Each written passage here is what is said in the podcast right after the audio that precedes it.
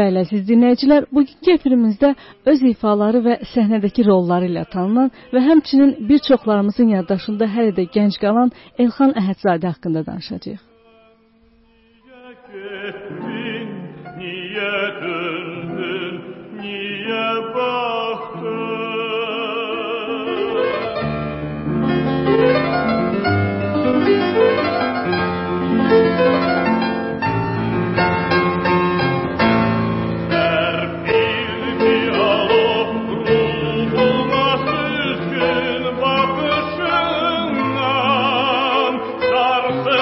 blüten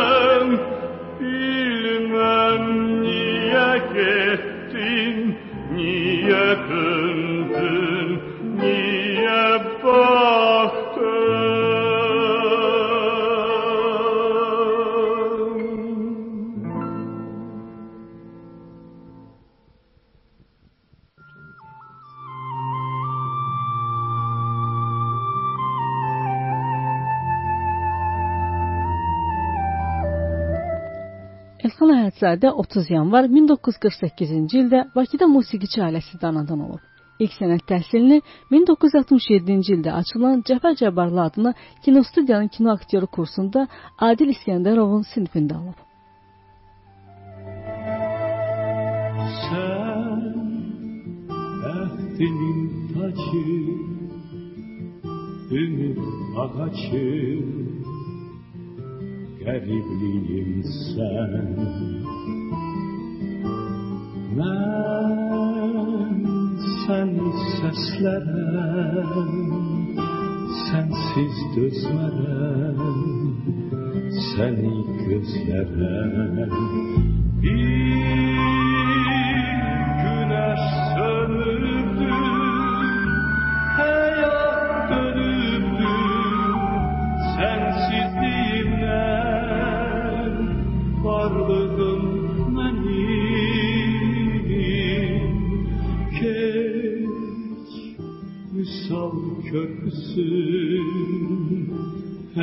ta gaita.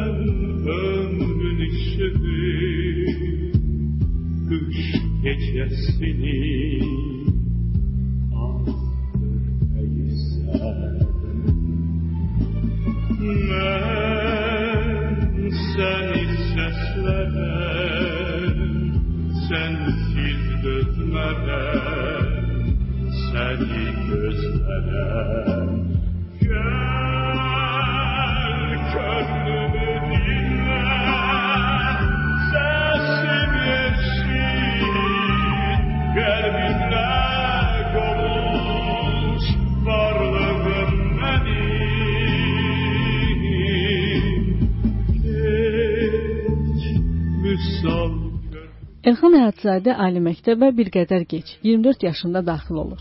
1972-77-ci illərdə İncəsənət İnstitutu Musiqi Teatr Aktyorluq fakültəsində təhsil alır. Elə gələcək həyat yoldaşı ilə də burada tanış olur. Amma bu evlilik cəmi 2 il davam edir. Hətta Elxan Əhədzadənin birinci həyat yoldaşı Səbinə Məmmədovanın dediyinə görə sənətkarın ilk evliliyi əslində məcburiyyətdən baş tutub.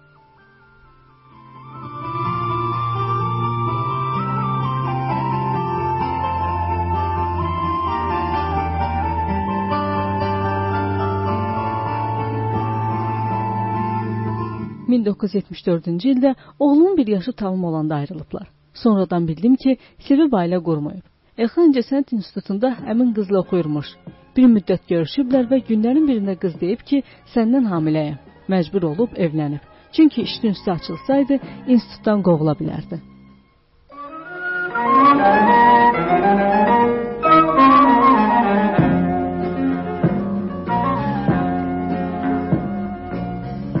sapmadık danışar Dimdik atar astaca Seni menden ayırar. İndik atar astaca Kanadımız sevgili Hiç bilmedik ayrılığı Kovup hasta yer bizi Gelip çatar astaca Hele çok göyneyecek Hasretin yeri. Bir gün giden katarlar Dönecek geri. Hələ çox göynəyəcək Həsrətin yeri. Bir gün gedən qatarlar dönecek geri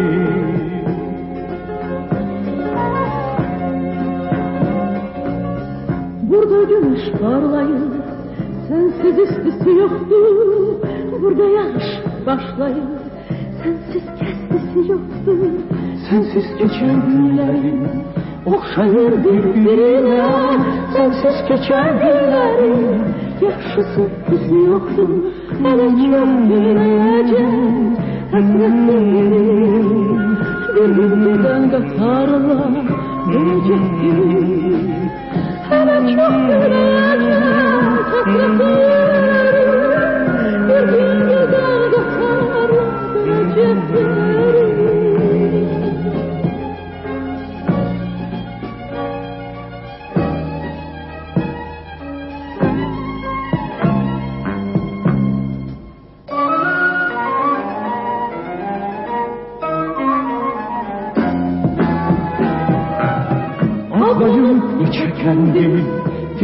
nice şehri Yüreğimde bitirmiş.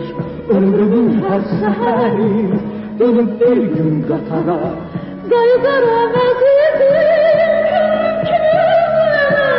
Açık nurlu seheri Hele çok göyneyecek Hasretin yeri. Dedim giden katarlar Dönecek geri. Hele çok göyneyecek hasretin yeri giden katarla dönecek geri Hele çok göyneyecek hasretin yeri Bir gün giden katarla dönecek geri Dönecek geri Dönecek geri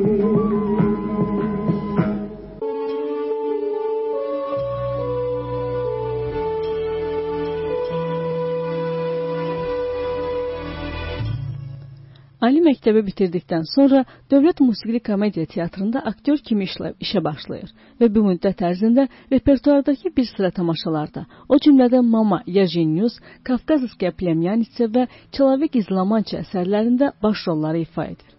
Bir müddət muskomediyadan uzaqlaşır və Rəşid Behbudovun mahnı teatrında işləyir. Eyni zamanda Çətirimiz buludlardır və Üzü küləyi filmlərində baş rolları oynayır. Sənətkar səs imkanları üstünlüyünə görə opera və balet teatrında bir sıra obrazlar yaradır.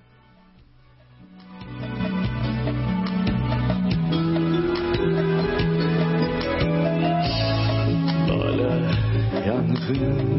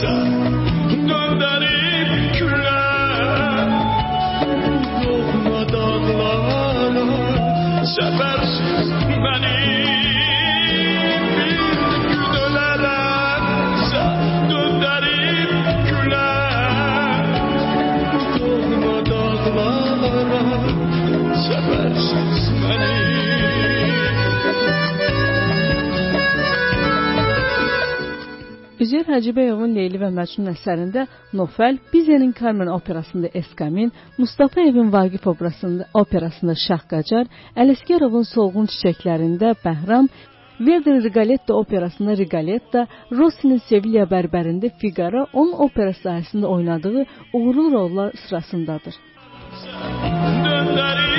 Dönerim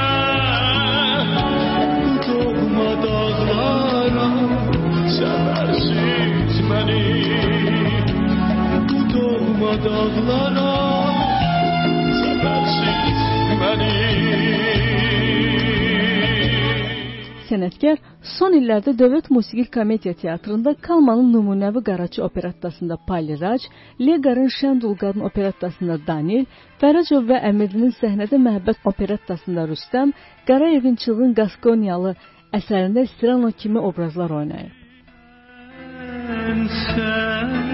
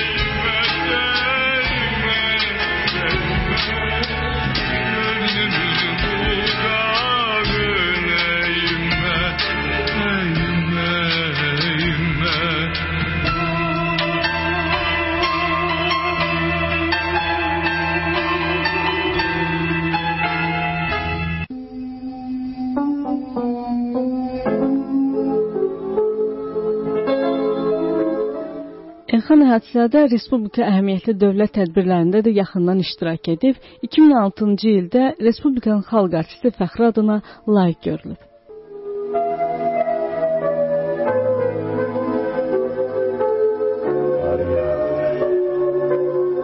Kar yağır dağa, dereye.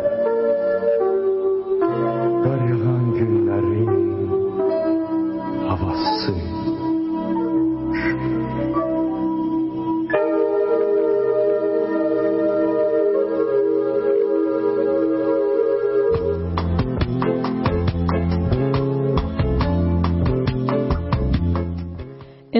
Elxan Əhədzadənin həyatı isə yaradıcılığından daha təzadlı məqamlarla doludur. Zahirən çox sərt görünən sənətkarın əslində çox ürəyi yumşaq, gənclərə əl tutmağa həvəsli olduğu deyilir. Ümumiyyətlə bu insanın yaşından çox gənc görünürdü. Elə səhnədəki davranışlarında da bu şoxluq, bəzən də çılğınlıq hiss olunurdu. Bəlkə də məhz buna görədir ki, o ikinci evliliyini özündən 28 yaş kiçik xanımla rəsmiləşdirmişdi. 1998-ci ildə Elxan Əhədzadə bəstəkar dostu Sərdar Fərəcova gənc bir xanımdan xoşlandığını deyir və sonra onların üçlükdə görüşü olur.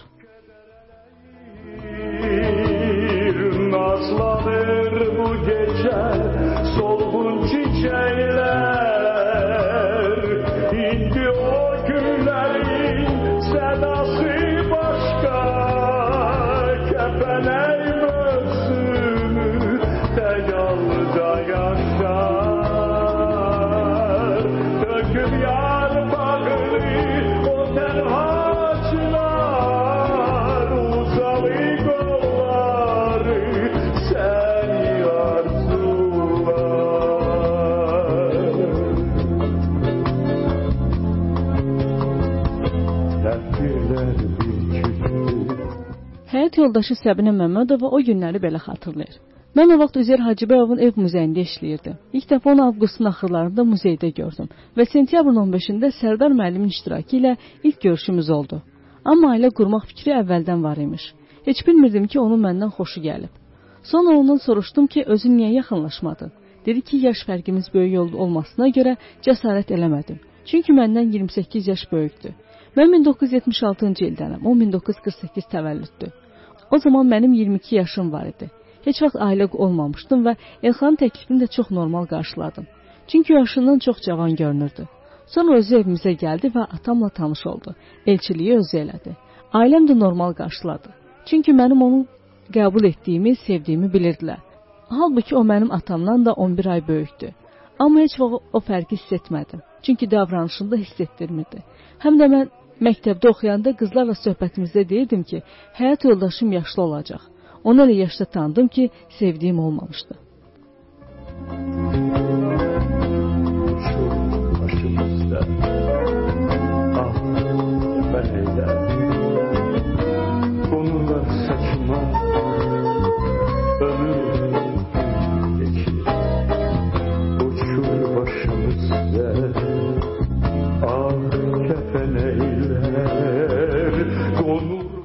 1998-ci ildə münasibətlərini rəsmiləşdirsə də, toy mərasimi keçirilmir. Bunun səbəbi isə Elxan Əhədzadənin ikinci dəfə ailə həyat qurması idi.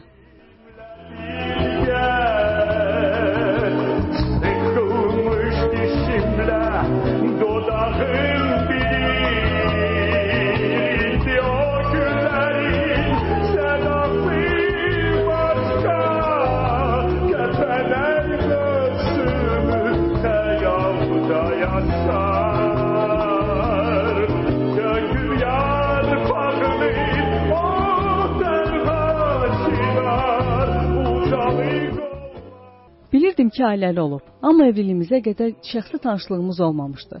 Elxanla ailə qurandan sonra keçmiş həyat yoldaşından da heç bir reaksiya gəlmədi və əslində gəlməməli idi də. Çünki onların evliliyi qarşılıqlı şəkildə pozulmuşdu. Mən sonradan öyrəndim ki, o ilk ailəsindən 1974-cü ildə ayrılıb. Cəmi bir il evli olmuşdu. Mənimlə evlənənə qədər 28 il ailə qurmayıb, tək yaşayıb. Biz ailə quranda o keçmiş Basin, indiki Füzuli küçəsində yaşayırdı. Sonradan pul yığıb 11 min dollara özümüzə mənzil aldıq.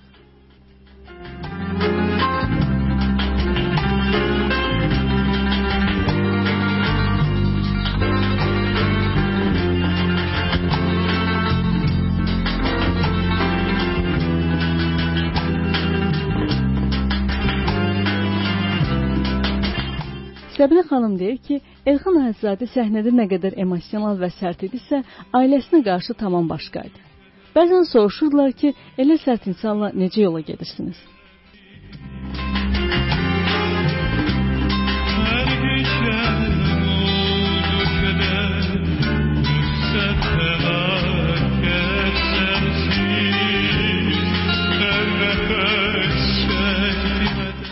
2006-cı ildə cütlüyün oğul övladı dünyaya gəlir və Elxan Əhədzadənin arzusuna uyğun olaraq uşağa ya Rəsul ya da Rəfail adı qoyulmalı idi.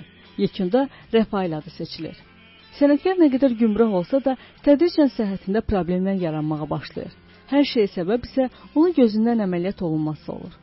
Göz əməliyyatından sonra həkim müayinəsindən keçən Əhədzadə müsbət cavab alır. Əslində isə onda hepatit C virusu var imiş. love.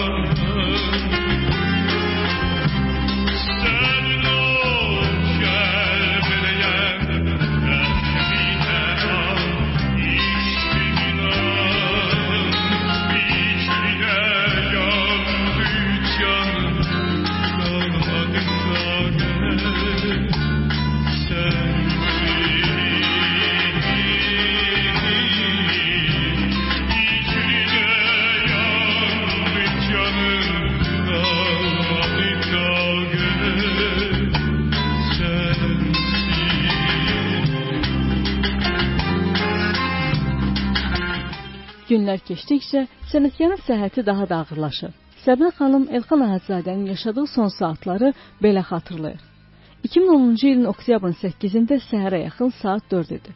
Yatmayıb onun yanında oturmuşdum. Huşu özündə idi. Düz onun ölümündə həkimləri günahkar bilirəm. Qızdırması düşmürdü. Bunu burnundan qan açıldı.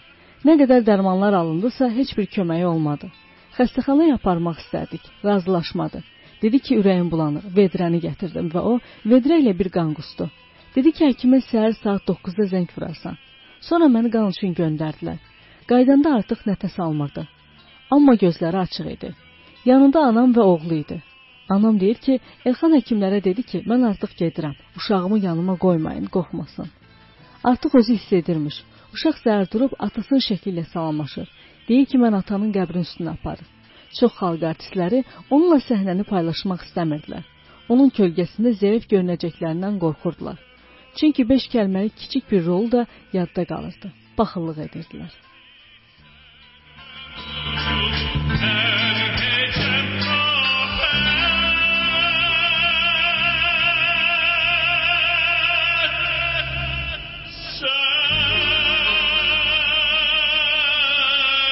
Gece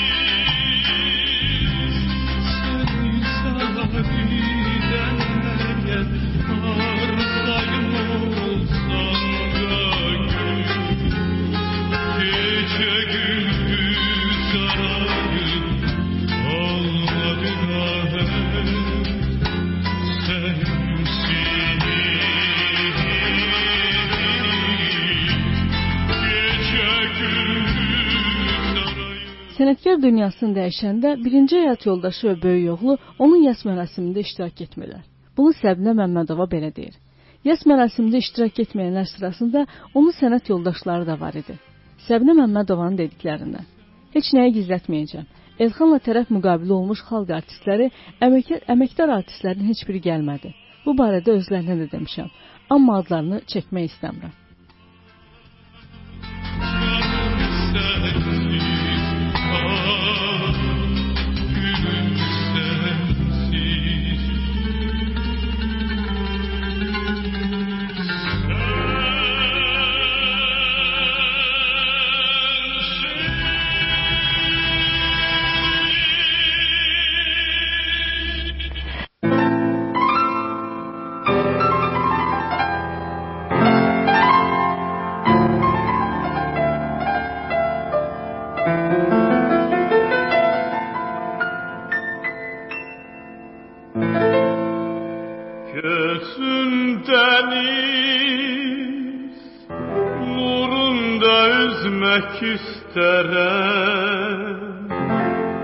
Sevgin temiz Sevginle yaşamak istərəm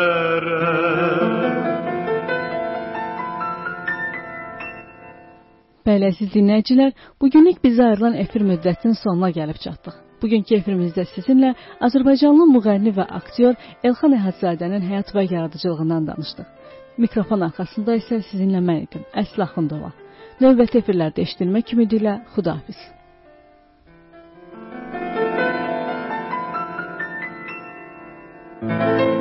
Mən ateşəm bir bulaq solub söndürmə məni. Gəl